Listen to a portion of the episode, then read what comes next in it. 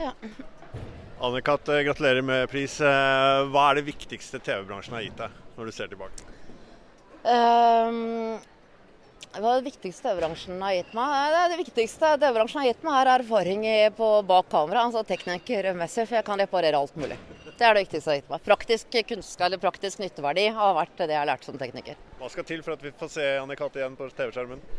Eh, jeg, kan komme tilbake hvis, hvis, hvis det ikke er i en konkurranse, reality-konkurranse. Eh, ikke at det er noe galt med det, men eh, jeg vil heller dra ut neglene mine med tang enn, å, enn å lage det. Så det, det, det er bare å si fra hvis de har lyst til å lage noen program hvor ikke folk skal stå og krangle. Men hvis det er noe humor og satire eller noe sånt, så kan jeg gjøre det. Får du nok av invitasjoner om å være med på disse programmene? I begynnelsen, nå har de begynt å gi seg. Du, Hvordan har du det i Aller for tiden? Jeg har det veldig fint. Hva er det du gjør det?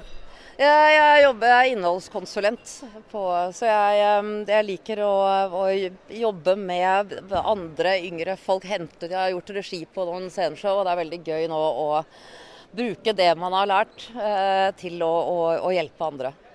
Hvordan blir det å våkne i morgen og se på den prisen? Eh, jeg, jeg, det, det blir Det får den jo ikke i vesken, det er det første jeg tenker på. Skal jeg ta den med. Nei, det blir bare koselig og fint.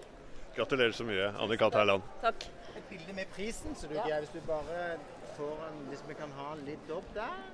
Sånn, ja, fint.